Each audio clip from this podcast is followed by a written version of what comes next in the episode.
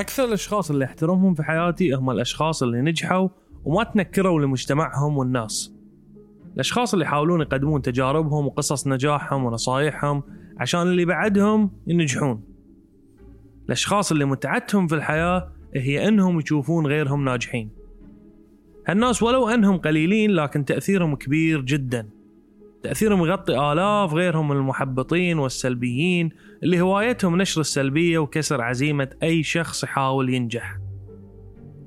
ما بحط إحصائية هل هذول الأشخاص عندنا أكثر ولا عند الغرب أكثر.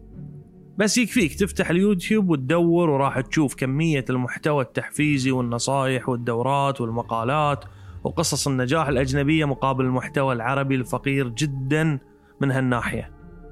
وهني أستغرب ليش إحنا كعرب ما نزيد من هالمحتوى المفيد للغير. وأدري إني بنصدم وقاعد أنصدم في وايد ناس دائما يرددون. إحنا شكو؟ وأنا علي؟ أصلا ما في فايدة. لا تتعب روحك وياهم. لو يبون يتغيرون تغيروا. اللي يبي الصلاة ما تفوته. وغيرها وغيرها من العبارات اللي تعبر عن التنصل من المسؤولية تجاه المجتمع. كون الله فتحها عليك ونجحت ما يخليك أذكى وأحسن من غيرك.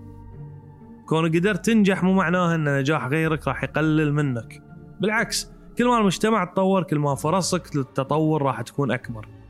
فرسالتي لمجتمع إحنا شكو. أنتوا أكثر ناس أكو. أنتوا أكثر ناس تقدرون تثرون المحتوى العربي محتوى مفيد يطور ويحفز اللي حواليكم عشان نكون مجتمع ناجح.